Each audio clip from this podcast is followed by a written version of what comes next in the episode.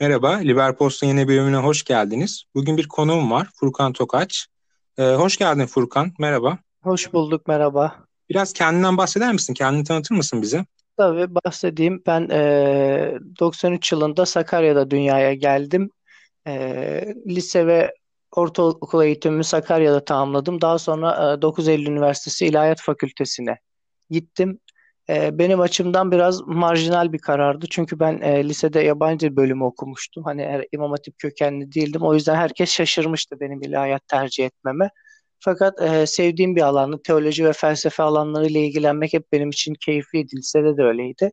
E, bundan dolayı ilahiyat tercihi yaptım. Daha sonra 9 Eylül Üniversitesi'nde e, ilahiyat eğitimi tamamladım. E, yaklaşık 3 yıldır din kültürü ve ahlak bilgisi öğretmenliği yapıyorum. Aynı zamanda yine kendi üniversitemde 9 Eylül Üniversitesi'nde ahlak felsefesinden yüksek lisans yapıyorum. E, şu an e, yaptığım işler bu. Sonda sorulması gerekeni başta so- sorayım o halde. Pişman mısın Furkan? E, yani zaman zaman e, ya başka mesleklere yönelseydim, belki sosyal bilimlerin başka alanlarında çalışsaydım nasıl olurdu şeklinde sorun var ama ben her zaman diyorum hani genel kanım şu dünyaya bir daha gelsem gene ilahiyat okurdum. Çok güzel. Genel Aslında şu soruyu da soracaktım. Yani evet ilahiyat okumasaydın pişman olur musun diyecektim. Sanırım pişmanlık olurdu. Çünkü o bir içinde kalırdı. Öyle düşünüyorum ki. Ee, ben senin Twitter'da bir e, zincir yaptığını gördüm. Bu ilahiyat okuma hikayenden, ilahiyatla olan ilişkinden bahsediyordun esasen. Bununla ilgili aslında bir yayın yapmak istedim. Ee, yani sen kısaca bahsettin aslında ama ben biraz daha geriden almanı isteyeceğim.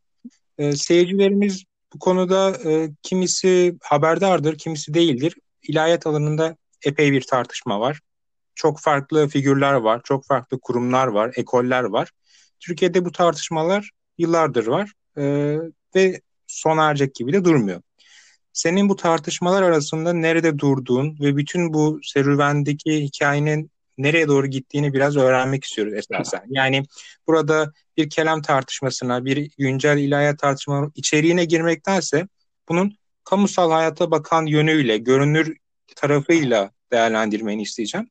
E, kendi hikayende buna çok müsait bana kalırsa benim dinlediğim kadarıyla, öğrendiğim kadarıyla en azından ee, biraz bu konuda örneğin o ilahiyat okuma nedenin neydi? Ee, biraz onu öğrenmek istiyoruz. Çünkü sen e, Liberal Gençlik Derneği'nin Sakarya'da faaliyetlerini yürütüyorsun ve e, benim etrafımda en azından buralarda e, çok fazla ilahiyat öğrencisi, bu meseleler kafa yoran insanlar yok. Seni buraya cezbeden neydi?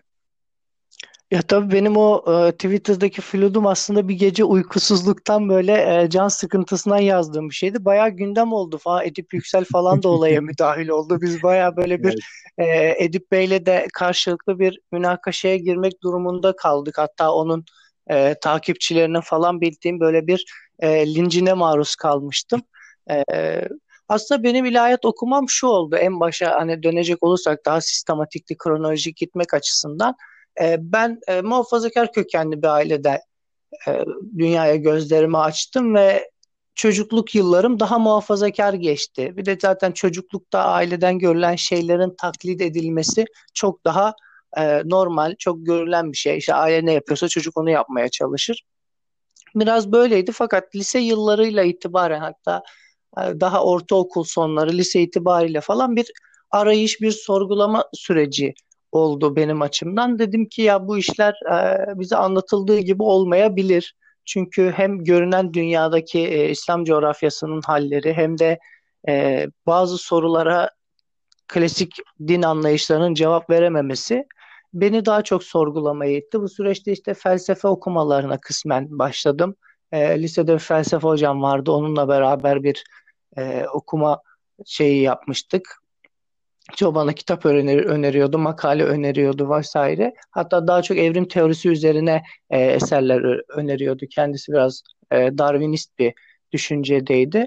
Bundan dolayı kafa karışıklığım aslında sorulara cevap bulmaktan çok daha çok soru oldu. Bu daha çok soru olunca ben dedim ki ya bu işin e, tek bir çözüm noktası olabilir. Bu işlerin adam akıllı olduğu, e, sistemli, düzenli bir pedagojisini olan, e, metodolojisi olan bir yerde bu eğitimi almalıyım ki kafamdaki soru işaretleri biter. Belki aradığım sorulara cevap bulabilirim diye. O yüzden ilahiyat tercih ettim. Tamamıyla hani işi öğrenmek, işin mutfağına girmek, bu işler aslında oralarda nasıl yürüyor diye bir ilahiyata gitme oldu. İlahiyata gidince tabii ilahiyata gelen öğrencinin %90-95'i hatta çok daha büyük bir fazlası e, ailelerinin getirdiği bir e, aslında tam baskı değil ama yönlendirme diyelim ona ya da bir e, manipülasyonla ilahiyat okuyorlar. Yani hiçbir ilahiyat okuma hedefiyle, hayaliyle yanıp tutuşan çocuklar değildi bunların büyük çoğunluğu.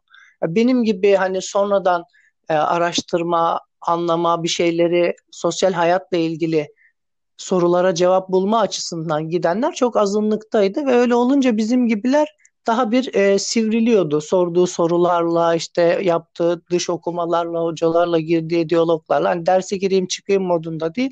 Daha çok işi öğrenme açısından yapıyordu ve bu benim okuduğum dönem açısından çok azınlıktaydı ve birkaç öğrenciydi. Yani bir arkadaşım daha vardı o bizden e, yaşça biraz büyüktü. O biraz o kafadaydı. Ben biraz o kafadaydım. Evet. Peki Furkan bir sorun vardı. Pardon bölüyorum ama e, İzmir'de okudun sen. 9 Eylül'ü tercih etmende özel bir neden var mıydı? Örneğin Ankara İlahiyat'ın, e, Marmara İlahiyat'ın vesaire ekolleri olduğunu, farklı fikirlere sahip olduğunu biliyoruz kimi hocaların en azından.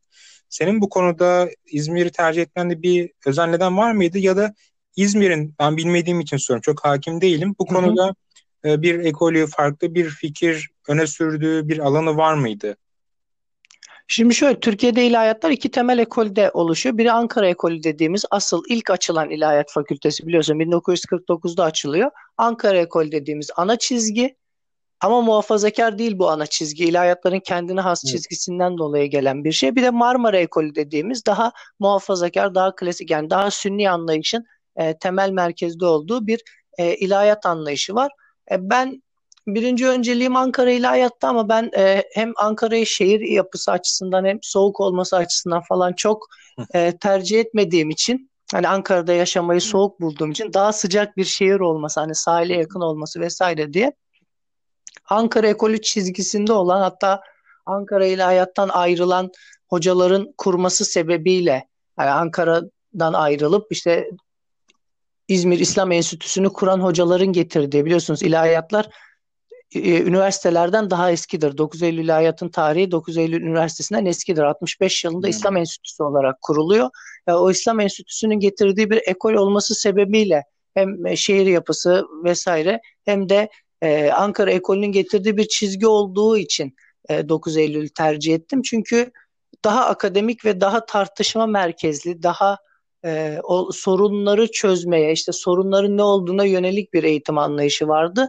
Biraz Marmara ekolü dediğimiz ekollerde daha klasikçi eğitim anlayışları çok daha yüksek ama 9 Eylül ve Ankara gibi yapılarda daha çok akademik tartışmalara yer verilen ve öğrenciyi okumaya, çalışmaya yönlendiren bir anlayış vardı. Ondan dolayı 9 Eylül tercih etmem benim için bir avantajı. Zaten bana da hani e, daha önce ilahiyat okumuş kişilerle de görüşmüştüm bu tercih süreci yaparken. Ya Ankara ya İzmir tercihi yap demişlerdi. Ben de tercihimi İzmir'den yana kullanmıştım. Peki 9 Eylül'deki eğitim nasıldı? Ya da daha geniş bir perspektiften ilahiyat eğitimi nasıldı sana göre? Şimdi şöyle benim beklediğim değildi çünkü bunu işte Ahmet Arslan Hoca da söylemişti o Ege felsefenin önemli isimlerinden e, biri. E, yani Türkiye'nin yaşayan en önemli felsefecilerinden biri. Türkiye'de ilahiyat eğitimi, ilahiyat eğitimi temel İslam bilimleri eğitimi aslında. Yani biz ilahiyat diyerek daha bir üst perdeymiş gibi bakıyoruz ama aslında Türkiye'de ilahiyat eğitimi Yüksek İmam Hatip Lisesi modunda biraz daha ilerliyor. Yani her ne kadar diğer dinlere din içeriğine dair eğitim olsa da temel anlayış İslam anlayışının yerleştirilmesi hatta İslam anlayışının Sünni anlayışı yerleştirilmesi. Yani bizim e, ne Şia doğru düzgün tam anlamıyla sistematik bir şekilde müfredatta çok yer kaplıyor ne diğer mezhepler daha çok işte mezhepler tarihinde ya da kelam tarihi gibi dersler içerisinde işlenirken genel kanı daha çok sünni merkezli bir anlayış var. O nedenle beklediğim tarzda bir eğitim değildi. Ben daha e, mezhepler üstü daha dinler üstü bir eğitim bekliyordum. Fakat içeriye girdiğinizde çok da öyle dinler üstü ya da mezhepler üstü bir eğitim değil. Daha çok sünni merkezli bir anlayış söz konusuydu. Tabii hocalardan hocalara da bu iş değişiyor. Daha muhafazakar, daha e, sünni damardan gelen hocalar da var. Daha işte tarihselci dediğimiz ya da daha sorgulama merkezli e, akademisyenler de var. O tamamıyla biraz ders içeriğine, dersin kimin geldiğiyle alakalı bir durumdur. E, siz çok muhafazakar hocalardan temel dersleri alırsanız daha muhafazakar düşünceyle bakıyorsunuz olaylara. Çünkü size önerdiği kitaplar öyle oluyor, derse işlediği, takip ettiği kitaplar öyle oluyor, ders anlayışı öyle oluyor. Ama siz daha açık fikirli, daha farklı perspektiften bakabilecek hocaların dersini aldığınız zaman sizin de dünyanız genişleyebiliyor. Bu biraz şans faktörü aslında. Yani kime denk gelmiş olmanız çok önemli. Ben ilahiyata gitmeden önce bir hadis hocası varmış. Kendisiyle e, tanışma fırsatım olmadı. Sonradan sosyal medyada e, etkileşime girmiştik. Ondan hadis dersi alsaydım hadislere bakışım belki biraz daha farklı olabilirdi. Ama çok daha muhafazakar hocadan e, aldığım için daha agresif, daha böyle e, sert bir tutumla karşı e, karşı koyabildim hadis konusuna mesela. Yani o tamamıyla biraz da şans faktörü, biraz hoca ile alakalı bir durum. O yani eğitimde e, öğretmen faktörü yani eğitimci faktör çok önemli. Her dönemde de böyle yani iyi bir matematik hocasına denk gelirse matematiği sevdirirse matematikle aranız hep iyi olur. Ya da bir resimle iyi olur ama e, kötü bir öğretmene denk geldiğiniz zaman ilk öğretim ve lisede de aynı şekilde, akademide de aslında biraz da aynı şekilde o hocayla renk uyumunun olması çok önemli olduğunu düşünüyorum ben genel anlamda. Evet. Şimdi e, ilahiyat alanında kim tartışmalar var. Sen muhtemelen hepsinden hatta daha fazlasından haberdarsındır. İşte az önce bahsettiğin en temel belki tartışma alanı hadisler meselesi. Ee, evrenselcilik, tarihselcilik karşılaştırması var. Onun dışında e, bu Ramazan ayıyla da hatta ilgili imsak vaktinin tayini konusunda bir ayrışma var. İşte e, Kur'an yaratılmış mıdır, ebedi midir, mahluk mudur? İşte hadisler dini kaynağı olabilir mi? Peygamber helal haram koyabilir mi? Yani ya da evrim ve Tanrı inancı, işte İslam inancı bir arada yürütülebilir mi? E, pek çok tartışma var. Hatta Edip Yüksel'den de bahsettik. İşte 19 Kur'an matematiksel bir düzeni var mıdır? E, ya da işte Kur'an mana ve işte yani lafız olarak mı intizal edilmiştir yoksa e, şey olarak mı yani e, yani bu Mustafa Öztürk'ün hatırlarsan bir tartışması olmuştu. Bir, bir iki yıl önce özellikle gündeme gelmişti. Yani bu Kur'an'ın e, inzaliyle ilgiliydi sanırım bu mesele. Yani e, burada hatta biraz oraya doğru çekmek istiyorum konuyu. Mustafa Öztürk'ün e, bu öne sürdüğü fikir anladığım kadarıyla onun çok orijinal bir fikri değil. Yani hali hazırda İslam dünyasında savunanları da olan bir fikir ama bunu Türkiye'de Mustafa Öztürk dile getirdiği zaman e, epey bir gündem olmuştu. E, özellikle sosyal medyada bayağı bir eleştirilmişti. O o anda o Marmara İlahiyat'ta mıydı yoksa Adana'da mıydı onu bilmiyorum. E, bilmiyorum o tartışmaları takip edebildi mi? Özellikle bu ifade özgürlüğü bakımından belki yani kabul bir devlet müdahalesi olmadı ancak hakikaten ona yöneltilen tepkiler onu epey bir e, yıpratmıştı benim o dönemde bildiğim kadarıyla. Yani bu güncel ilahiyat tartışmaları sence nasıl yürüyor Türkiye'de? Hakikaten e, ilahiyat fakültelerinde nasıl bir yansıması var bunun? Yani bu insanlar bu fikirleri gerçekten de inandıkları için özgürce savunabiliyorlar mı? Ya Öztürk'ün fikirlerine gelecek ama Öztürk e, bu fikirleri ilk defa söyleyen bir isim değil. İslam tarihinde çok defalarca bunlar söylenmişti. Hatta söyleyenlerin bir kısmı idam edilmişti, dara çekilmişti. İşte bazıları e, sürgüne gitmişti, işlerinden olmuşlardı.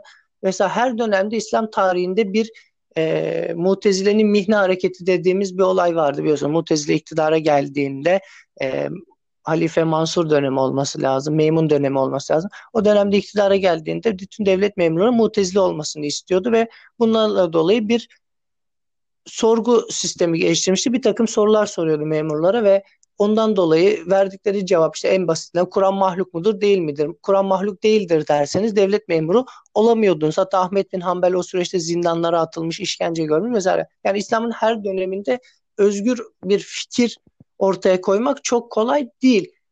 Zaman zaman yani İslam'ın ilk dönemlerindeki İslam alimleri çok daha cesurmuş ama bu çok net. Özellikle bu e, mezheplerin sistemleşmeye başlayacağı ilk üç asırda o ilk üç asırlık dönemde Selefi Salihin dediğimiz yani ilk dönem uleması çok daha cesurmuş ve çok daha e, radikal fikirler ortaya koyabiliyormuş. Biraz da dinin otoritesi olmamasından kaynaklanıyor bu. Yani Sünnilik gibi, Şia gibi, Mutezile gibi tam net anlamda mezhepler ortaya çıkıp ayrışmadığı için çok daha özgür ortamlar varmış. Ama mezhepler sistematikleştikte ve taraftarlarını tam anlamıyla kutuplaştırdık.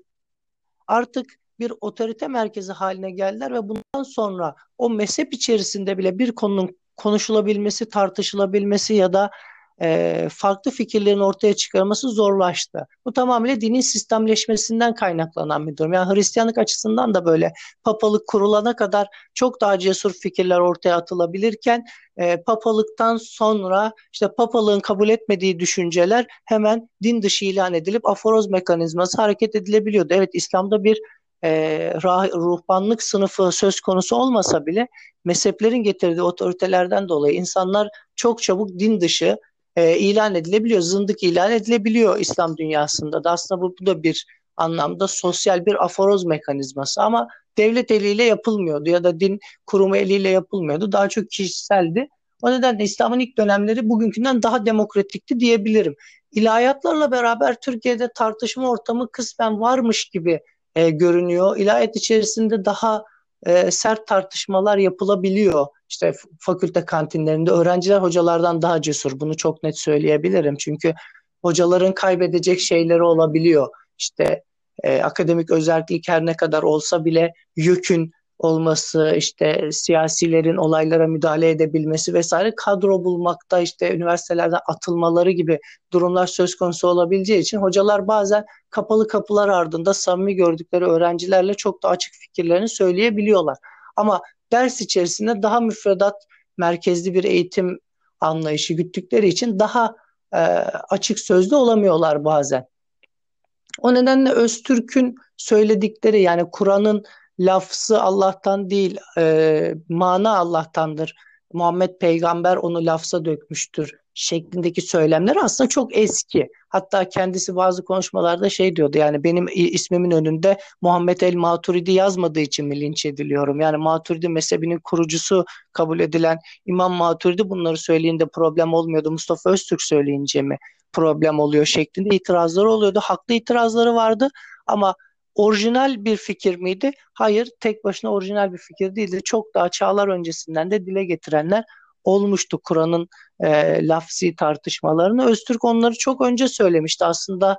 Yani o video iki sene önce gündeme geldi. Bir, bir buçuk iki sene önce de gündeme geldi ama çok daha eski söylemlerinde, çok önceki yıllarda yazdığı kitaplarda da e, hafif böyle yarım ağızla söyledikleri vardı. Ben Öztürk'ün bu konuda çok da e, açık sözlü olduğunu düşünmüyorum. Aslında fikirlerini tam anlamıyla açıklamadığı kanaatindeyim. Haklı, yarım ağızla bunları söyledi. Başına neler geldi? Yani idam fermanı falan yayınlayanlar oldu. Hani İslam alimleri onu e, sorguya çeksin, tövbeye davet etsin, tövbe etmezse öldürülsün şeklinde söylemler oldu. Şimdi bu tür ortamlarda ne kadar cesurca aklınızdakileri söyleyebilirsiniz? O da bir sorun.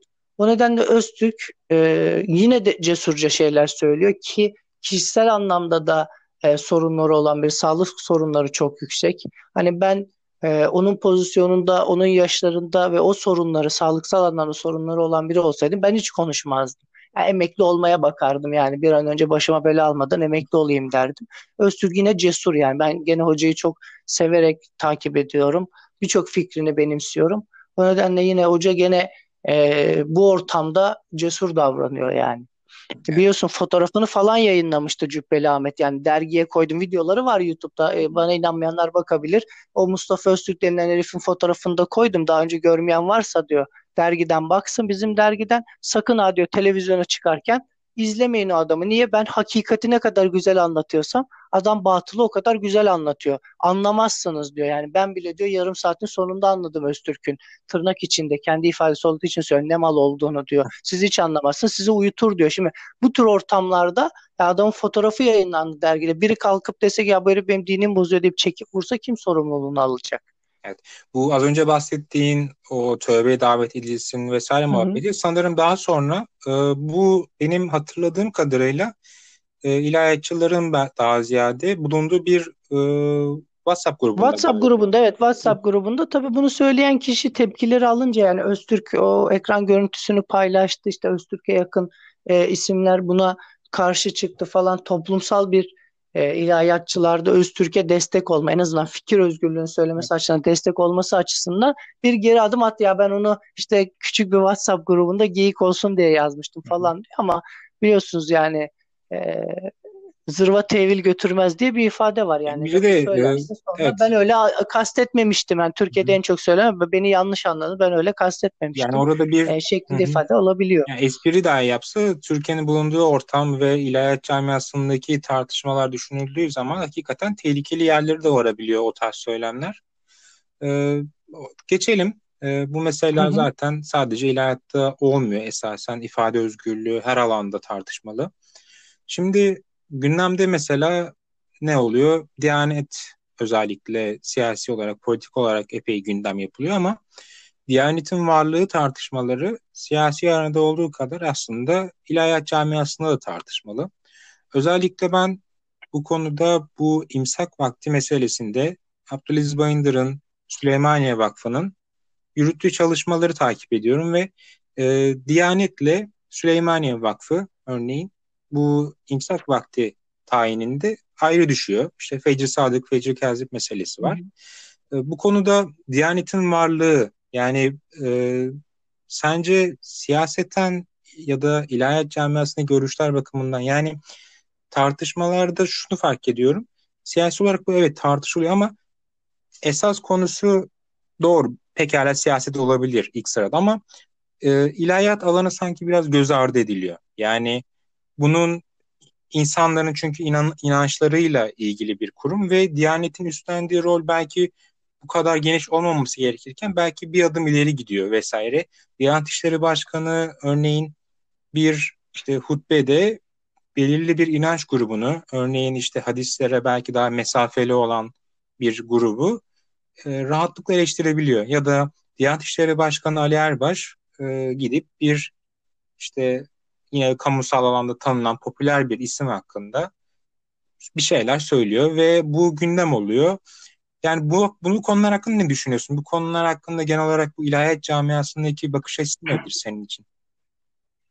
Yani şimdi Türkiye Diyanet İşleri Başkanlığı zaten siyasi bir kurum. Hatta bürokratik bir kurum baktığınız zaman. Yani e, dini bir kurum değil. Yani İslam'da bir e, Vatikan gibi bir dini yapılanma yok. Şia'da bu var. Yani Sünni dünyada yok. Şia'da mollalar dediğimiz bir işte 12 imamın temsilcileri açısından kabul edilen bir otorite kurumu var ama e, Sünni İslam anlayışında böyle bir kurum yoktu. İlk defa Cumhuriyet dönemiyle ortaya çıktı. Hani Osmanlı'da Şeyhül İslamlık vardı ama çok fetva ötesine geçen bir kurum değildi. Yani soruyorlardı caiz mi değil mi diyordu.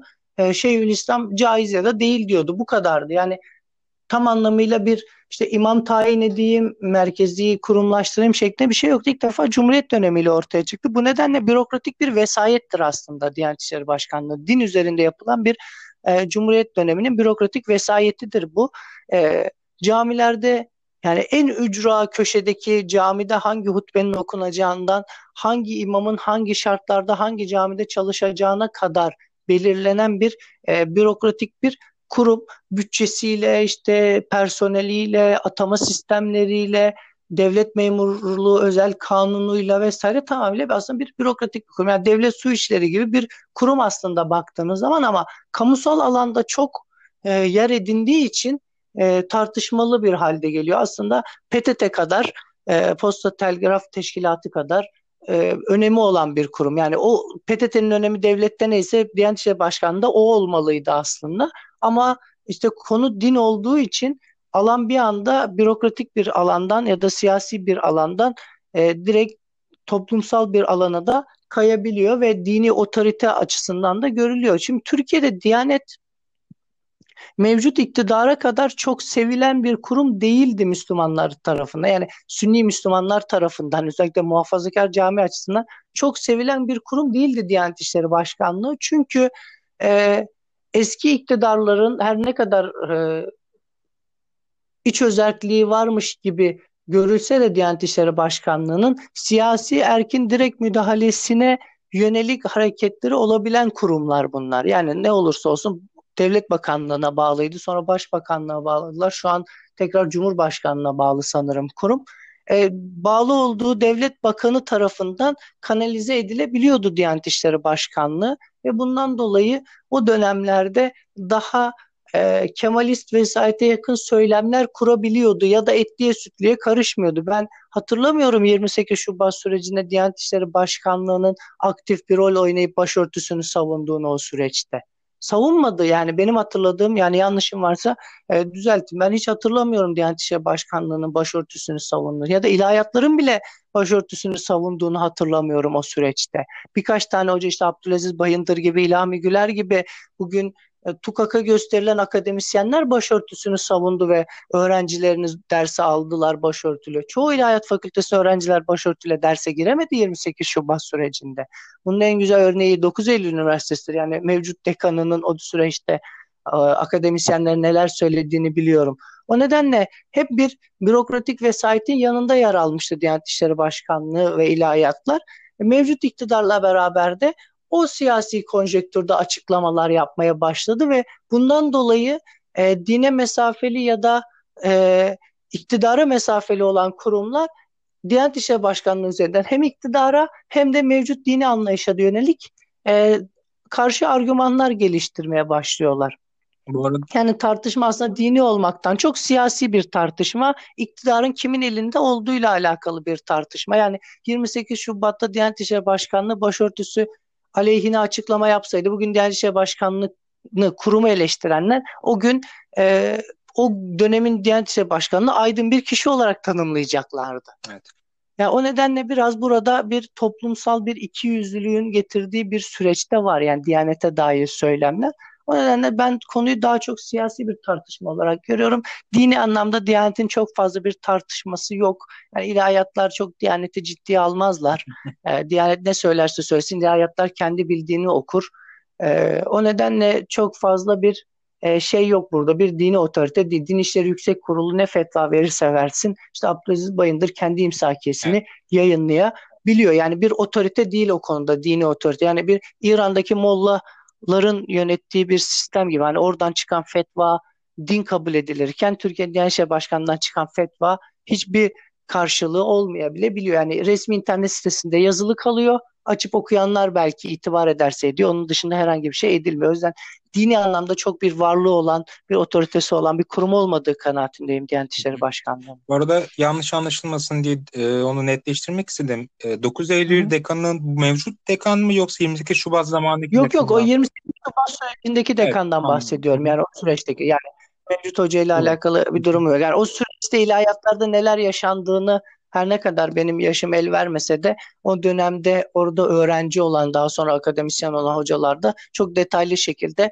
e, konuşmuştuk. Onların birçoğundan benzer ifadeleri duyduğum için hı hı. çok net söylüyorum. Başörtüsü aleyhinde e, kararlar alan dekanların, ilahiyat dekanlarının varlığını o dönemde biliyoruz. İster istemez onlar da e, haklıydılar çünkü bir devlet mekanizmasında ne dekan kalabilirsiniz o süreçte ne akademisyen kalabilirsiniz ne profesörlüğünüz kalır ne doçentliğiniz kalır. Biraz da işte o maaşı veren sizi e, patronunuz olan kurum ne diyorsa biraz da o yönde açıklama yapmak zorunda bırakılabiliyorsun işte. O nedenle Türkiye'de akademik özelliğin varlığı tartışmalıdır yani.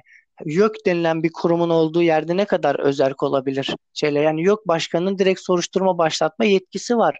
Ee, bir akademisyen için ki derste konuştukları açısından bile bunu yapabilirler yani. Her ne kadar ders içine müdahil olmuyoruz diyorlar ama ben ne dilekçelerin gittiğini e, biliyorum. Özellikle dediğim gibi çok radikal dindar öğrencilerin işte ileri geri konuşuyor, itikadımızı bozuyor bu hocalar şeklindeki dilekçelerinin YÖK'e gittiğine çokça şahit oldum. Evet bir şey çıkmadı ama isteselerdi buradan bir şeyler çıkartabilirlerdi. Evet. Ee, bu arada Diyanet'ten bahsettik. Biraz oradan ilerlemek istiyorum. Diyanet işlerinin e, AK Parti döneminde başında olan üç isim hatırlıyorum ben. Birincisi Ali Bardakoğlu. sanıyorum daha ziyade AK Parti'nin ilk dönemlerinde Diyanet İşleri Başkanlığı yaptı. Mehmet Görmez. Evet ben de öyle hatırlıyorum. 2005'e kadar falandı diye hatırlıyorum Ali Bardakoğlu. Sonra Mehmet Görmez ve son olarak Ali Erbaş. Ee, bu üç isim böyle ben en az bu çok kişisel, çok subjektif bir yorum olacak ama sanki böyle en sevdiğinden en sevmediğine göre sırala deseler ben de Ali Bardakoğlu, Mehmet Görmez ve Ali Erbaş diye sıralardım muhtemelen. Ve bunların bu sıralamaya göre bu hale gelmesi sanıyorum çok da tesadüf değil. Yani sen nasıl bakıyorsun bu e, iktidarla biraz biraz oraya geçelim istiyorum. Yani iktidarın dine, diyanete genel olarak bakış açısı ve bu diyanet işlerinin bu serüveni. Ya şimdi şöyle ben de e, Ali Bardakoğlu AK Parti iktidarından önce başlayıp o dönemde devam etmiş olabilir. Tam net hatırlamıyorum süreci ama e, isimlerin bu şekilde sıralanması biraz iktidarın tarihi serencamına uygun gittiği kanaatindeyim ben de. Yani iktidar neyse dev memuru da o olur. 2003'müş bu arada. Bürokrasi de o olur zaten. Ettim. 2003'te evet. mi geliyormuş evet. hoca? Yani AK Parti iktidarıyla birlikte geliyor. O dönemde AK Parti daha çoğulcu demokrasiden yana daha e, bugünkü anlamda bir muhafazakar damarını çok fazla ortaya koyan değil işte Avrupa Birliği sürecini başlatan zinanın suç olmasını kaldıran domuz etini kasaplık ürün kabul eden işte idamı kaldıran daha Avrupa normlarında bir iktidar olduğu için Diyanet İşleri Başkanı da daha Avrupa normlarında biriydi. Sonra işte e, Ali Bardakoğlu ile bir anlaşamama durumu söz konusu oldu. Ali Bardakoğlu istifa etti. Yani görevden alınmadı. Erken bıraktı. Görev süresi dolmadan e, bıraktı süreci. Ondan sonra onun yardımcısı olması lazım. Mehmet Görmez ya yardımcısıydı ya da öğrencisiydi. Onun tavsiyesiyle Mehmet Görmez getirildi. Mehmet Görmez çok iyi bir akademisyen ama bence kötü bir Diyanet İşleri Başkanıydı.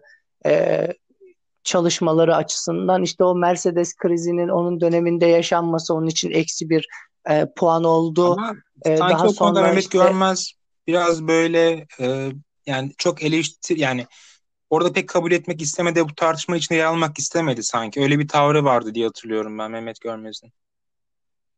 Evet hoca çok tartışmanın içinde olmak istemedi ama o dönemde biliyorsunuz bir de e, FETÖ krizinin yeni patladığı dönemlerdi. Daha FETÖ'ye terör örgütü değil paralel yapılanma denildiği süreçlerdi. 2013 sonu 2014 başıydı diye hatırlıyorum. Daha işte 17-25 Aralık yeni olmuş.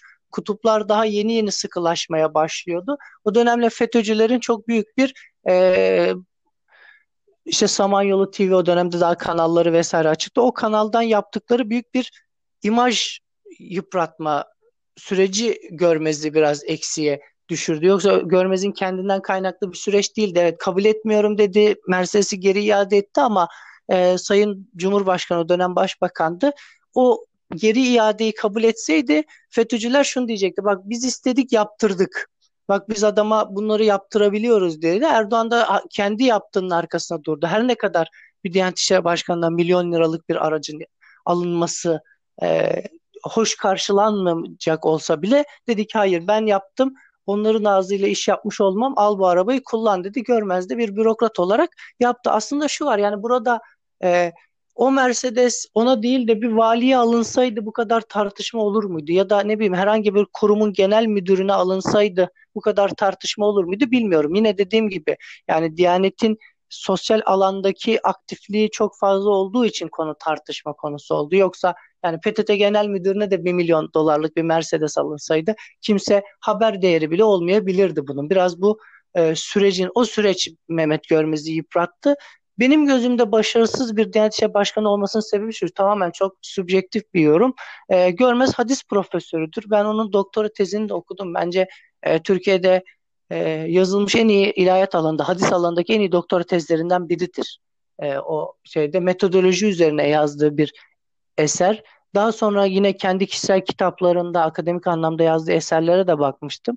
Oralarda reddettiği hadislerin yani uydurma olduğu, zayıf olduğu, dini değer kabul edilmeyecek olduğunu söylediği hadislerin kendi başkanlığı döneminde defalarca ve defalarca ve bu hadislerin yalan olduğunu söyleyenlerin e, dindarlığını sorgulayacak tarzda bir hutbelerin okutulması biraz kafamda soru işaretiydi. Yani sonuçta bu hutbeler Perşembe günü yayınlanıyor. Gençlik şey Başkanlığı'nın internet sitesinden Cuma günü okunuyor. Yani isteyen bir gün önce Cuma hutbesinin ne olduğuna bakabilir. Ki ben o dönemlerde bakıyordum. Ee, o hutbeyi gördüğümde Mehmet Görmez'in kitaplarına baktım. İşte Mehmet Emin Özavşar'dı galiba başkan yardımcısı. Onun da etki eserlerine baktım. İkisi de o hadislerin uydurma olduğunu söylüyorlar ama ikisinin yönettiği kurumun e, camilerinden o hadislerin sahih olduğunu ve o hadislerle amel etmeyenlerin e, fasık olacağını söyleyen rivayetler aktarıldı. Yani böyle baktığın zaman bir çelişkiler yumağıydı benim gözümde Mehmet Görmez. Yani kurumuna karşı bir otorite kuramamış. Sanki görmez ne derse desin camilerde başka bir şey yapılıyormuş izlenimi verdi bu bana. Yani çok basit bir şeydi. Bu hutbeyi alıp perşembe günü okursun yayınlanmadan ki işiniz de bu yani baktığınız zaman. Ya dersin kardeşim bu hadis olmaz. Ben bu hadise uydurma dedim kitabımda. Yani bu hadis uydurma. Senden iyi bilecek hali yok. Altındaki bir e, va, hutbe yazan bir vaizin. Vaizler yazıyor çünkü hutbeleri işte e, nedir o? Bir kurul sanırım öyle mi? Uzman evet kurum yani vaizler yazıyor işte uzman yardımcıları var Gençler Başkanlığı'nın Ankara'daki merkezde uzmanları var. Onlar yazıyor yani bir personel yazıyor. Ya bunu düzelt ya da sen yazma başkası yazsın denilebilirdi. Yani yönetimsel anlamda bir e, sorun vardı. Yani başkanlık başka bir şey söylüyor, kurum başka bir şey yapıyormuş izlenimi vardı. O nedenle görmez kafasındaki soru işaretim bu. Ali Erbaş zaten e, baktığınız zaman e, ilk defa felsefe ve din bilimleri alanından çıkan bir Diyanet İşleri Başkanı. Onun öncesindekilerin hepsi ya İslam hukukçusuydu ya da hadisçiydi. Yani genelde bu iki ekolden e, çıkarlardı ve genelde ligde Ankara İlahiyat'tan hocalar e, Diyanet İşleri Başkanı olurdu. İlk defa işte Sakarya İlahiyat'tan bir akademisyen hem de dinler tarihçisi ki Hristiyanlık tarihçisidir e, Ali Erbaş bildiğim kadarıyla e, böyle biri Diyanet İşleri Başkanı oldu ve bundan dolayı da aslında hocanın akademik süreci her ne kadar ilahiyatçı olsa da disiplinsel bakımdan çok Diyanet İşleri Başkanı'na uygun bir kimlik değildi. Çünkü Diyanet İşleri Başkanı dediğiniz zaman işte hadis alanında bir otorite olması gereken ya da en azından İslam hukuku alanında bir otorite olması gereken biri bekleniyor. Çünkü Ali Hoca ne kadar hadislere işte İslam hukukuna hakim biri olsa da kendisi çok uzun yıllardır işte kendi disiplini açısından o alanda çalışmış biri ve e, konulardan uzak kalmış olabilir. Olma ihtimali çok yüksektir. Çünkü biz bile bugün hani bir yüksek lisans bir doktor tezi yazarken konunuz neyse ona yöneliyorsunuz. Diğer alanlarda okuma yapma şansınız azalıyor ve unutmaya başlıyorsunuz eski bilgilerinizi. O nedenle benim açımdan akademik ünvanı ve e, çalışma alanı açısından Ali Erbaş çok da e, İşleri Başkanı'na uygun bir isim değil. Çok çok farklı isimler yapılabilirdi. Yani tefsir, hadis, fıkıh dışından birinin e, Diyanet Başkanı olması kurumsal açısından özellikle yani bir fetva kurumu olmasının getirdiği açıdan çok da uygun bir isim değildi bence yani Ali Erbaş. O nedenle biraz daha böyle e, iktidarın istediğini söyleyen bir adam profili geldi. Yani durup dururken bir anda işte eşcinsellik e, Allah'ın helak ettiği bir günahtır şeklinde bir cuma hutbesi okuyabildi. O süreçte ben e, kendi arkadaşlarıma falan şunu söylemiştim. Bizim toplum eşcinsellerin Allah tarafından helak edildiğini bilir. İşte Lut kavmi hep bilinen örnektir. Herkesin dilindedir. Ama aynı toplum tartıda hile yaptığı için yani alışveriş yaparken tartıda hile yaptığı için ticaretini yanlış yaptı yani haksız ticaret yaptığı için helak edilen Medyen kavmini bilmez. Ama baktığınız zaman toplumsal anlamda eşcinsellik mi daha büyük problemdir yoksa ticaret alanında yapılan hileler işte inşaatta inşaat yaparken demirden çalmak mı daha büyük e, günahtır ya da toplumsal sorundur yoksa bir adamın eşcinsel olması mı ya da bir kadının eşcinsel olması mı? Bu yönünde toplumun da getirdiği bir e, şey var, ikiyüzlülük var. Ali Erbaş da gitti o şeyi kaşıdı, o yarayı kaşıdı. Bence e, hoş bir açıklama değildi ama birilerinin istediği yönde bir açıklama oldu. O nedenle ben de e, seninle aynı kanaatteyim. Ali Bardakoğlu daha iyi bir başkandı. Mehmet Görmez daha orta şekerli bir başkandı ama Ali Erbaş kötü bir Diyanet İşleri Başkanı diyebilirim yani. Evet, peki şimdi e, çok siyasetin içinden ama epey de ilahiyatı ilgilendiren bir açıklama okuyacağım ben sana. Amerikanınsesi.com sitesinden alıyorum. Bir haber metninden. Açıklama şu şekilde. Marjinalleri asla dikkate almayız. Din adamı olarak ortaya çıkıp da kadınla ilgili çok farklı açıklamalarda bulunup dinimizde kesinlikle yeri olmayan bazı iştihatta bulunan kişiler ortaya çıkıyor. Bunlar ya bu asırda yaşamıyorlar, çok farklı bir dünyada, farklı bir asırda, zamanda yaşıyorlar. Çünkü İslam'ın güncellenmesinin gerektiğini bilmeyecek kadar da aciz bunlar. İslam'ın hükümlerinin güncellenmesi vardır. Siz İslam'ı 14 asır, 15 asır öncesi hükümleriyle kalkıp da bugün uygulayamazsınız. İslam'ın güzelliği burada zaten, önemi burada. Şimdi birçok hoca efendi beni tefe koyup çalacak. O ayrı mesele. Rabbim bizi tefe koymasın, mesele orada. Bu sözler Mustafa Öztürk'e değil, Cumhurbaşkanı Erdoğan'a ait. Cumhurbaşkanı Erdoğan'a evet, ait. Evet. Hatırlarsın. Yani bizim şimdilik diye bir dinimiz yok. İşte bizim Şia diye bir dinimiz evet. yok. Bizim dinimiz İslam'dır şeklinde açıklamaları da evet. vardı Sayın Cumhurbaşkanı'nın. E tabii şimdi aslında İslam'a baktığımız zaman yani Mecelle'ye kadar, e, Mecelle çok yakın bir örnek ama Ahmet Cevdet Paşa'nın çok güzel bir e, sistematik olarak koyduğu bir mecelle kuralı vardı. Zamanın tagayyürüyle ahkamın tagayyürü inkar edilemez. Yani zaman değiştikçe hükümler değişir şeklinde. Aslında tarihselciliğe kapı açan bir anlayıştır bu ve İslam tarihi boyunca birçok fetva Kur'an hükmünü, Kur'an tersini söylemesine rağmen e, uygulanmamıştır. Özellikle mesela Hazreti Ömer dönemine kadar götürebiliriz bunu. Hazreti Ömer halifeliği döneminde işte e, Kur'an'da zekat verilecek 8 grup sayarken 8 kısımda müellefe kulüp diye bir kavram. Kalbi İslam'a ısındırılmak istenen gayrimüslimlere zekat verilebileceği e, hükmü var. Hazreti Ömer döneminde iki tane adam e, müellefe kulüpten zekat almak istediklerini söyleyince Hazreti Ömer şu ifadeyi kullanıyor.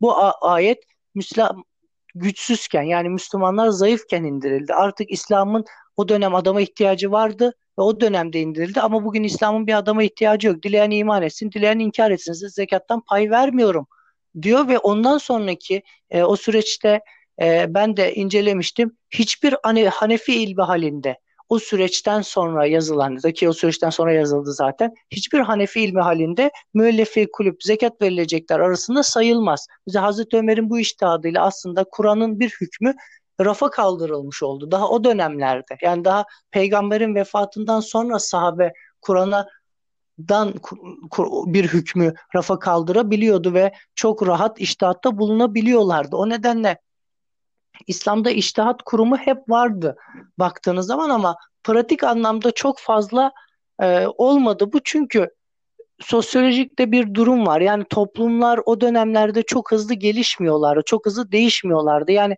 10. asırda ticaret neyle yapılıyordu? İşte atlarla, develerle, kervanlarla yapılıyordu. 18-19. yüzyıla kadar ticaret yine öyle yapılıyordu. O nedenle iştihadı gerektirecek alanlar çok fazla geniş değildi. İlk defa aydınlanmayla beraber e, işte batıdaki reform ve rönesans hareketleriyle beraber e, toplumlar çok hızlı değişmeye başlayınca İslam dünyası da bir de kaldı böyle yani ne yapacağını şaşıracak pozisyona geldi. İşte Ahmet Cevdet Paşa gibi mecelleler yazılmaya başlandı.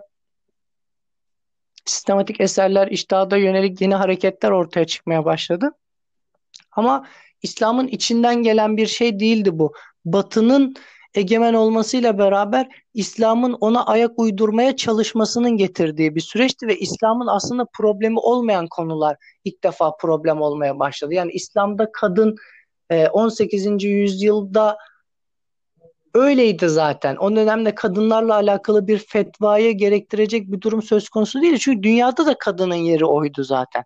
Batı'da kadın ilk defa birey olduğunu farkına varıp temel haklar kazanmaya başlayınca işte kadın örgütleri, feminist hareketler, işte o Amerika'daki 8 Mart'ta yaşanan e, işte neydi pamuk işçisi miydi o kadınlar? E, dokuma işçisi kadınların isyanıyla vesaire falan başlayan bir kadın hareketleri. İslam'da da İslam dünyasında yaşayan kadınlarda da ya ne oluyor? Bizim de aslında haklarımız varmış oldu. Yani kendi talepleri değildi. Batılı kadın öyle yapınca aa dedi ki demek ki doğrusu bu biz de yapalım şeklinde. Yani İslam'ın kendi içinden gelen bir hareket değildi bunlar. O nedenle İslam hep son iki asırdır, son üç asırdır hep dışarıdan gelen şeyleri kendi entegre etmekle uğraştı. Özgün bir hareket çıkaramadı. Tarihselcilik de böyledir baktığı ilk defa e, Hristiyanlık da ortaya çıkmıştır. Yani İncil'in tarihselliği tartışılmıştır. Daha sonra Müslümanlar demiştir ya İncil'in tartışılıyor, Kur'an'ın da tartışılabilir e, diye bakmışlardır. O nedenle İslam e, kendi sorunlarını kendi çözebilen bir din olma hükmünü, şansını yitirdi bu konuda.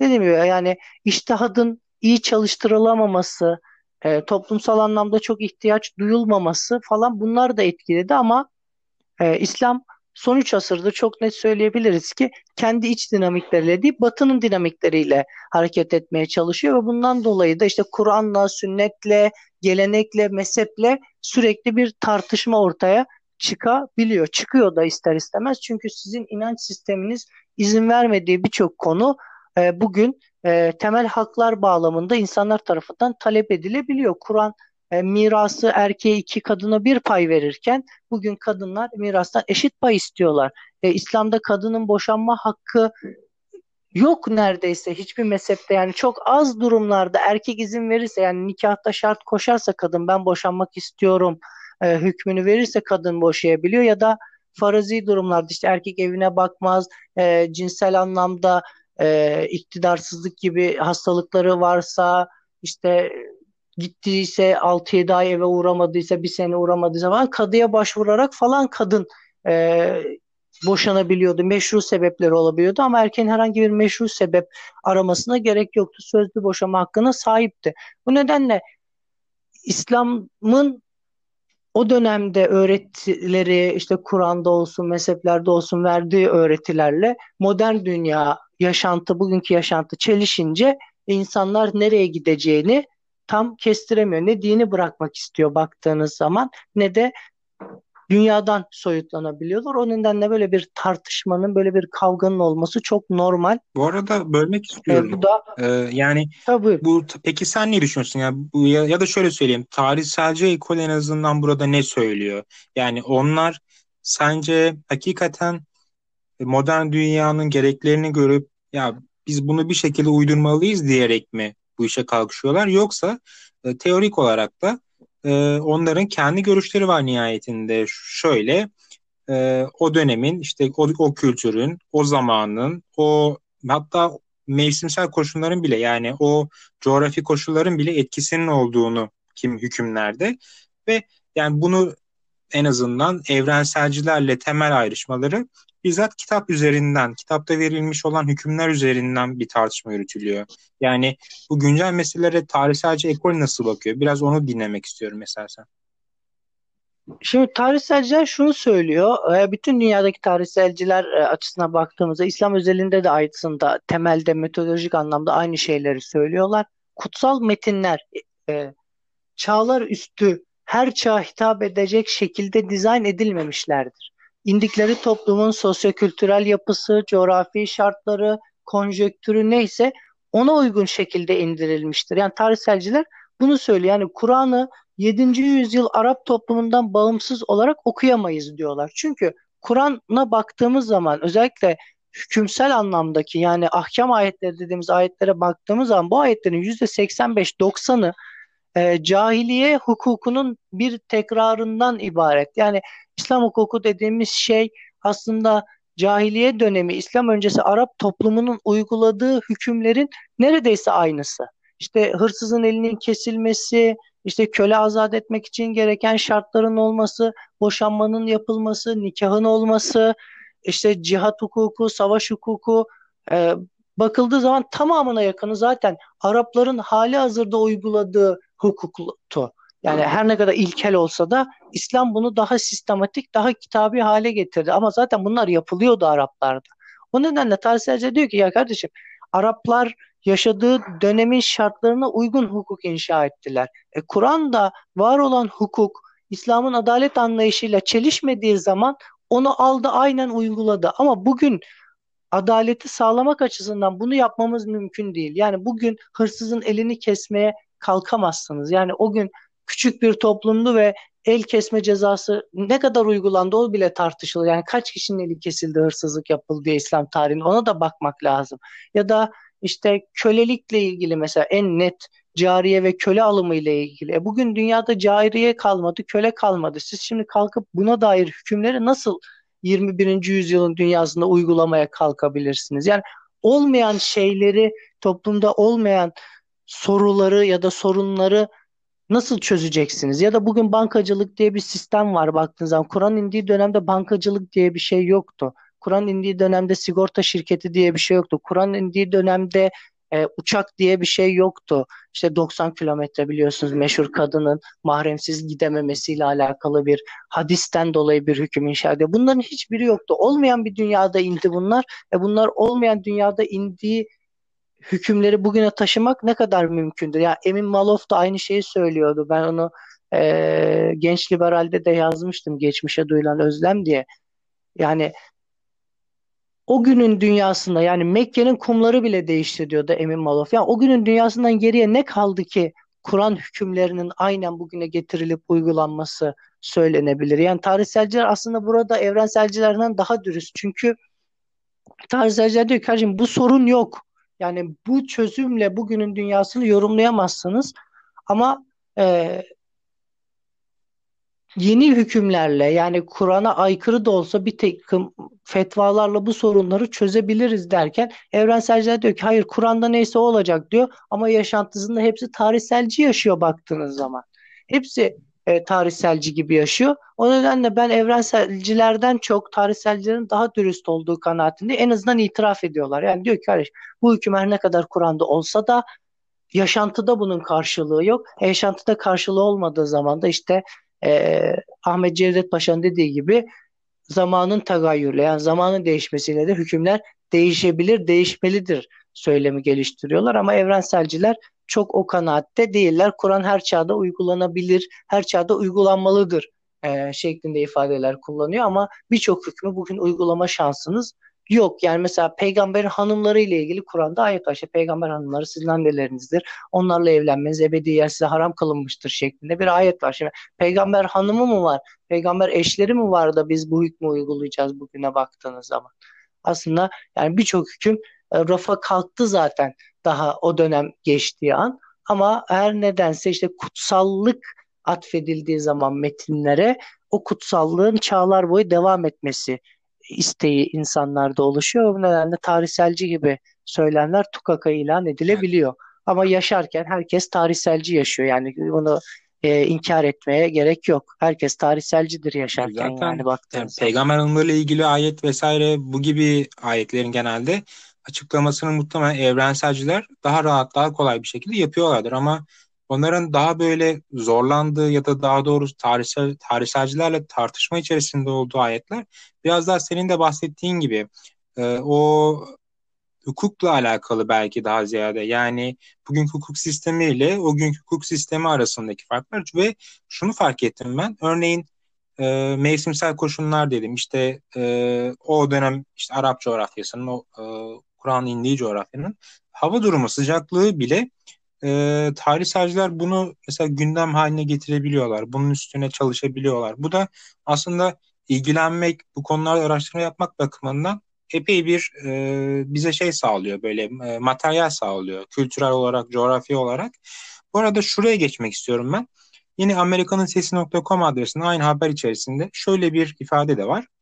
Dinimiz İslam ve kitabımız Kur'an-ı Kerim Rabbimizin emri gereği kıyamete kadar caridir. Bu da Cumhurbaşkanı'nın açıklaması. Bu az önce bahsettiğim açıklamadan sanıyorum kısa süre sonra yapmış olduğu bir açıklama. E, bir geri adım attı burada. E, Sayın Cumhurbaşkanı yani ilk söylediği sözleri muhtemelen benim tahminim inanarak söylüyordu. Yani bir danışmanın yazdığı ve oradan okuduğu sözlerden ziyade ben onu hakikaten inanarak ve işten söylediğini düşünüyorum. Hatta şöyle yani kendisini bu dini konularda, ilahiyat tartışmalarında vesaire de çok açık fikirli olduğunu inanıyorum. Yani kent cumhurbaşkanı olmasaydı örneğin e, bir işte İstanbul Teşkilatı'nda yer almış, daha sonra siyasetle ilgisini koparmış birisi olsaydı ve şu anda bir atıyorum gazetede vesaire yazı yazan birisi olsaydı muhtemelen bu konulara daha açık fikirli, daha böyle belki belki de şu mesele yani inandığını söyleyebilecekti belki de.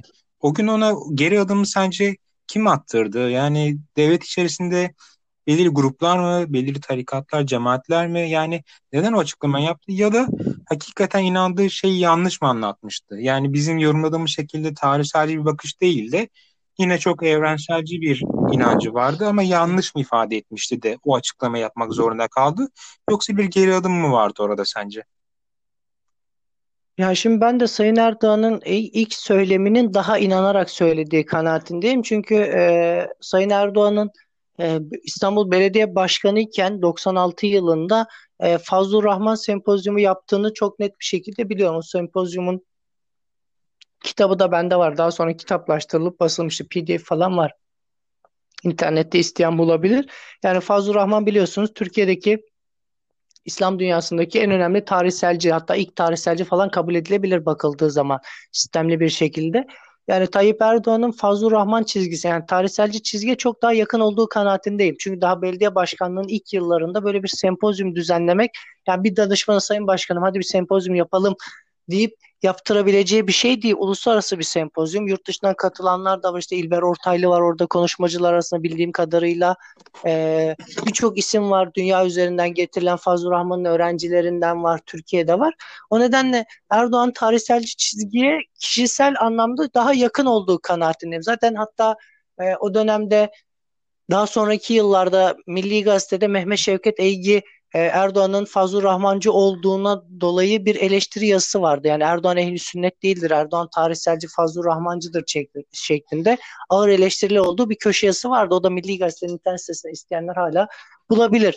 O nedenle Erdoğan ilk açıklamasında çok daha samimiydi ama Erdoğan o açıklamayı yaptıktan hemen sonra Ebu Bekir Sifil gibi, Cübbeli Ahmet gibi isimlerin sert tepkisiyle karşılaştı. Yani Erdoğan'a açıktan muhalefeti e, yapamayacak isimlerin çok net muhalefetlerini gördü. Yani Ebu Bekir Sifil e, kalktı dedi ki kardeşim bu tür söylemler olamaz, kabul edilemez şeklinde açıklamalar yaptı kendi YouTube kanalından. E, işte birçok e, cemaat, birçok yapı işte ehli sünnetin İslam'ın temel omurgası olduğunu ve onun dışındaki şeylerin yanlış yolda olduklarını söyleyen açıklamalar yapınca Tayyip Erdoğan biraz siyasi kaygılardan olacak ki geri adım atmak tam anlamıyla bir geri adım atmak değil ama ya iki adım değil bir adım böyle bir hafif bir geriye giderek evet ben böyle dedim ama yine de ehli sünnet İslam'ın temel omurgasıdır şeklinde anlaşılabilecek bir açıklama yapmak durumunda kaldı. Ama tamamıyla dediğim gibi toplumsal bir durumdan baskıdan dolayı ama bugün e, Erdoğan Cumhurbaşkanı ya da başbakan ya da siyasetçi değil de dediğin gibi bir köşe yazarı olsaydı ya da bir akademisyen olsaydı ya da bir kanaat önderi olsaydı çok daha farklı bir e, çizgide açıklama yapabilirdi. Ama Erdoğan'ın geldiği yol açısından baktığınızda işte İskender Paşa'ya yakın olduğu söylenir e, şeyde. Yani bir tasavvufi bir damar, bir e, tarikat damarı da olduğu da aşikar yani söylenenler o en azından. Yani kendisinin İskender Paşa'ya yakın olduğu vesaire.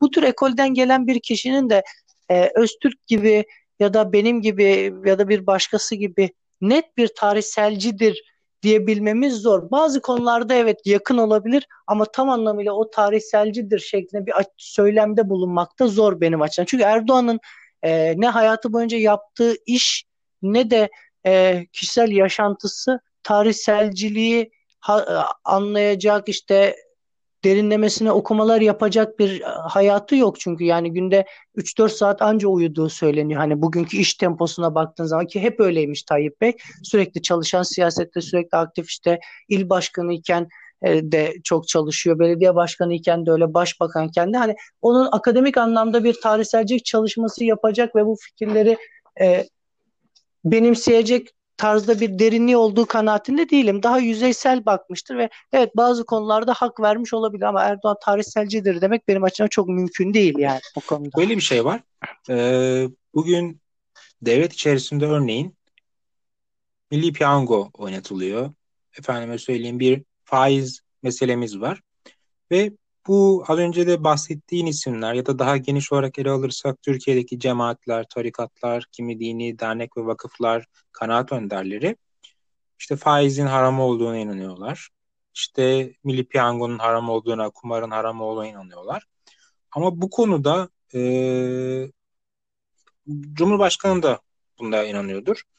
Bu konuda ben o kitlenin tıpkı bu tartışmada olduğu gibi büyük bir böyle birlikte kitlesi olarak, toplu olarak itiraz ettiğini görmedim. Yani şeyi bırakıyorum. E, hukuki olarak yapılan adaletsizlikler, yanlışlar, haksızlıklar bunlara itiraz etmelerini vesaire onları bir kenara bırakıyorum. Ama dinin bizzat e, hadi diyelim o kısmı geçelim adaletle ilgili vesaire.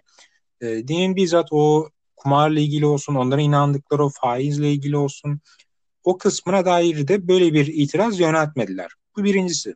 İkincisi Sayın Cumhurbaşkanı pek çok yanlış olduğunu düşündü. Belki İslam'a aykırı olduğunu düşündüğü meselelerde bir milli piyango meselesi olsun belki başka meselelerde olsun bu şekilde hadi biz bu milli piyangoyu da kaldırıyoruz demedi ama e, yani o konuda bir geri adım yok ama bu ilahiyat tartışmasına geri adım attı. Yani bu da esasen devlet içerisinde, siyaset içerisinde, kamusal alanda bu dinin bu bu kısmının yani bu tartışma çok spesifik, çok ayrıntılı olan bu tartışma kısmının e, ne kadar önemli olduğunu gösteriyor bana. Yani bir kumar meselesi mi yoksa işte tarihselce ekonomi, evrenselce ekonomi meselesi sanki daha önemsizmiş gibi geliyor bana. E, bu da çok ilginç. Bilmiyorum ne düşünürsün? Ya evet aslında yani konu adalet, işte faiz, kumar vesaire olduğunda toplumsal anlamda bir şey yok. Çünkü e, toplumun genelde sünni anlayışın getirdiği şöyle bir e, şey var. Amel yani uygulama imanın bir parçası değildir. Yani Mutezile'de işte e, Selefi Selef döneminde işte haricilerde vesaire biliyorsunuz imanın bir göstergesi olarak amel imanla bir bütün teşkil ederdi ve bir kişi namaz kılmıyorsa kafir hükmünde kabul ediliyor. Ya da büyük günah işiyorsa işte faiz yiyorsa haram e, yiyorsa kumar oynuyorsa vesaire ama sünnilik dedi ki hayır amel muamelat imanın bir parçası değildir. Bir kişi Müslümanım diyorsa Müslümandır. Uygulamada yapmıyorsa bile günahkar olur ama kafir olmaz. Hükmün günahlığını reddetmiyorsa yani faiz haram değildir demiyorsa Müslümandır diyor faiz yese bile. Bundan dolayı toplum e, sünni gelenekte olduğu için faiz alırım ama günah kardeşim ne yapalım deyip hayatına devam edebiliyor. Ama konu tarihselcilik gibi Kur'an'ın ne olduğuna yönelik bir tartışma olduğu zaman toplum bunu inancın bir tartışması olarak görüyor. Uygulamanın diye. Çünkü zaten inancın bir tartışmasıdır. Siz Kur'an'ı e, evrensel değil, Allah kelamı değil, işte peygamberin ağzından dökülen sözlerdir şeklindeki bir konuya, konuma oturtmaya çalıştığınız zaman toplumun 1500 yıllık getirdiği bir inanç sistemini temelden sarsmış oluyorsunuz bakıldığı zaman. Bu nedenle toplumun Kur'an'ın tarihselciliğine tepkisinin milli piyangoya tepkisinden daha fazla olması normal. Çünkü o muamelata dair ya günaha giriyoruz geçiyoruz der ama öteki türlü dediği zaman Kur'an tarihseldir. İşte lafsız Allah'ın değildir. Muhammed'in sözleridir. İşte Kur'an'ın hükümleri çağlar boyunca devam etmez. O kendi çağında kalsın. Biz kendi çağımızda Kur'an'a aykırı da olsa hükümler inşa edebiliriz gibi cümleler kurduğunuz zaman toplum der ki orada bir dakika dur benim imanım burada söz konusu. Yani bakıldığı zaman toplumun buna bu kadar tepkili olmasının en büyük sebebi bu. Yani Kur'an'ın neliği, nasıllığı tartışması itikadın konusudur ama faiz meselesi muamelatın konusudur. O nedenle e, imanla amel birbirinden kesin çizgilerle ayrıldığı için toplumun bu konuda tarihselcilere ya da işte Kur'an'ın neliği üzerinde yapılan tartışmalara daha sert tepki vermesi çok daha normal geliyor bana bakıldığı zaman. Evet toplum bu düşünceyle mi bakıyor ama e, bakıp bakmadığına emin değilim ama sosyolojik vaka ve kanaat önderlerinin vesaire e, işte ilahiyattaki bir takım grup hocaların işte e, akademisyen itiraz etmelerinin temel sebebi bu. Biri uygulama yapan günahkar olur ama öteki türlü bunu dersen kafir olursun şeklinde kesin bir e, çizgi var. Ayrışmanın en büyük sebebi bu olduğu kanaatindeyim. Evet. E, bu bahsettiğin az önce görüşlerden bu Kur'an'ın işte peygamberin ağzından e, olması bu inzal keyfiyetiyle alakalı sanırım ve bu şunu soracaktım. O Mustafa Öztürk'ün tartışmalar yol açan ifadeleri e, bu tarihselci ekolün bizzat içinde yer alan bir tartışma mı yoksa o ayrı bir tartışma mı? Onu merak ediyorum. Bu kesinlikle alakası çok spesifik bir soru. Ya aslında evet tarihselciliğin en temel tartışmalarından biridir bu. Çünkü e, aslında Tanrı'nın zatının ne olduğuyla alakalı bir tartışmadır bu. Yani kutsal metni değil, kutsal metnin öncesini yani Kur'an'ın öncesinde Tanrı'nın ne olduğu tartışması gerektirir. Çünkü her şeyi bilen, evrensel, her şeye gücü yeten bir Tanrı'nın tarihsel bir duruma müdahale edip sadece o güne konuşuyor olduğunu düşünmek çok doğru değil baktığınız zaman. Çünkü çağlar üstü bir tanrının, her şeyi bilen, her şeye gücü yeten bir tanrının sadece yarını bilmiyormuş gibi hareket ettiği iddiasında bulunmak e, durumu aslında tarihselcilik baktığınız zaman. Yani geleceği bilen bir tanrı geleceği bilerek bir sistem inşa etmelidir baktığınız zaman. Yarının ne olduğunu bilerek hareket etmesi gerektiğini düşünürsünüz ve çağlar üstü bir anlayış inşa etmesi çok daha doğru gelir. Ama e, bunun olmadığını söylemiyor tarihselcilik. Kesinlikle Tanrı geleceği bilmez şeklinde bir şey söylemiyor. Tanrı geleceği bilir ama vaaz ettiği toplumun şartlarına uygun sistem inşa eder diyor. Ama evrenselciler genelde siz Tanrı'nın geleceği bilmediğini iddia ediyorsunuz şeklinde bir itiraz getiriyor. Aslında dediğim gibi tartışma Kur'an öncesinde Tanrı'nın neliği üzerine yapılan bir tartışmadır. O netleştirilmediği için de e, kutsal metinlerin ne olduğu tartışmalıdır. Yani Kur'an mahluk mudur değil midir'e kadar gider bu tartışma ki ilk aslında tartışma İslam dünyasında Kur'an üzerine yapılan tartışma budur. Kur'an yaratılmış mıdır, yaratılmamış mıdır diye. E, ehl sünnet çizgisi bugün Kur'an'ın yaratılmadığı kanaatinde. E, yaratılmadığını düşünen bir ekolün tarihselciliği kabul edebilmesi çok da mümkün değil zaten. Evet. Ee, Furkan sona doğru yaklaşıyoruz. Bir saati geçtik. Hı hı. Sana e, bütün bu meselelerin sonunda şu soruyu soracağım. Yani şu an vardığın noktada yani ben hakikati buldum kardeşim diyebiliyor musun? Ya e, tabii bu çok zor bir soru. Yani e, hakikati bulmak bitmek demektir. Yani bir gün biri çıkıp derse ben hakikati buldum derse onun için hayat bitmiştir. Yeni hiçbir şeyin olmaması lazım. Yani hakikat insanın gelip gelebileceği en üst noktadır ve yaşantının bitmesi gerekir ondan sonra. Yeni hiçbir şey olmaması lazım. Yeni biriyle tanışmaması bile gerekir. Hakikati bulduğunu söylediği zaman. O nedenle hakikat aramakla bulunacak bir şey olmadığı kanaatinde. Bunu Yasin Ceylan Hoca da söylemişti. Biliyorsunuz ODTÜ'deki yapılan e, teoloji sempozyumunda gençler şunu açık ve söyleyeyim aradığınızı bulamayacaksınız demişti. Yani bu iş öyle arayıp bulunabilecek bir şey değil. Yani bir hayat e, tercihidir. Bu bir şeyi aramaya için yola çıkarsın ve bir ömür o şekilde gidersin. Her seferinde yeni bir şey gördüğün zaman Aa, bu sefer buldum dersin. Derinlere indiğinde bakarsın aslında arada o da değilmiş. Başka bir şeye yönlenirsin. Hani ben o ilahiyat serencamımı evet. E, yazarken, serüvenimi yazarken şey dedim. Evet e, ehl sünnet çizgisini ilkten benimsedim. Baktım sorulara cevap vermiyor. İşte e, Edip Yüksel'e şey yapayım 19'culuk işte hadis inkarcılığı e, o olmadı. İşte ya Şia'ya bir bakalım. Şia ne söylüyor? Mutezile ne diyormuş falan. İslam içerisindeki bütün ekolleri tek tek gezdim diyebilirim. Yani temel okumalar işte derinlemesine okumalar açısından. Baktığın zaman hiçbiri aslında tam net değil.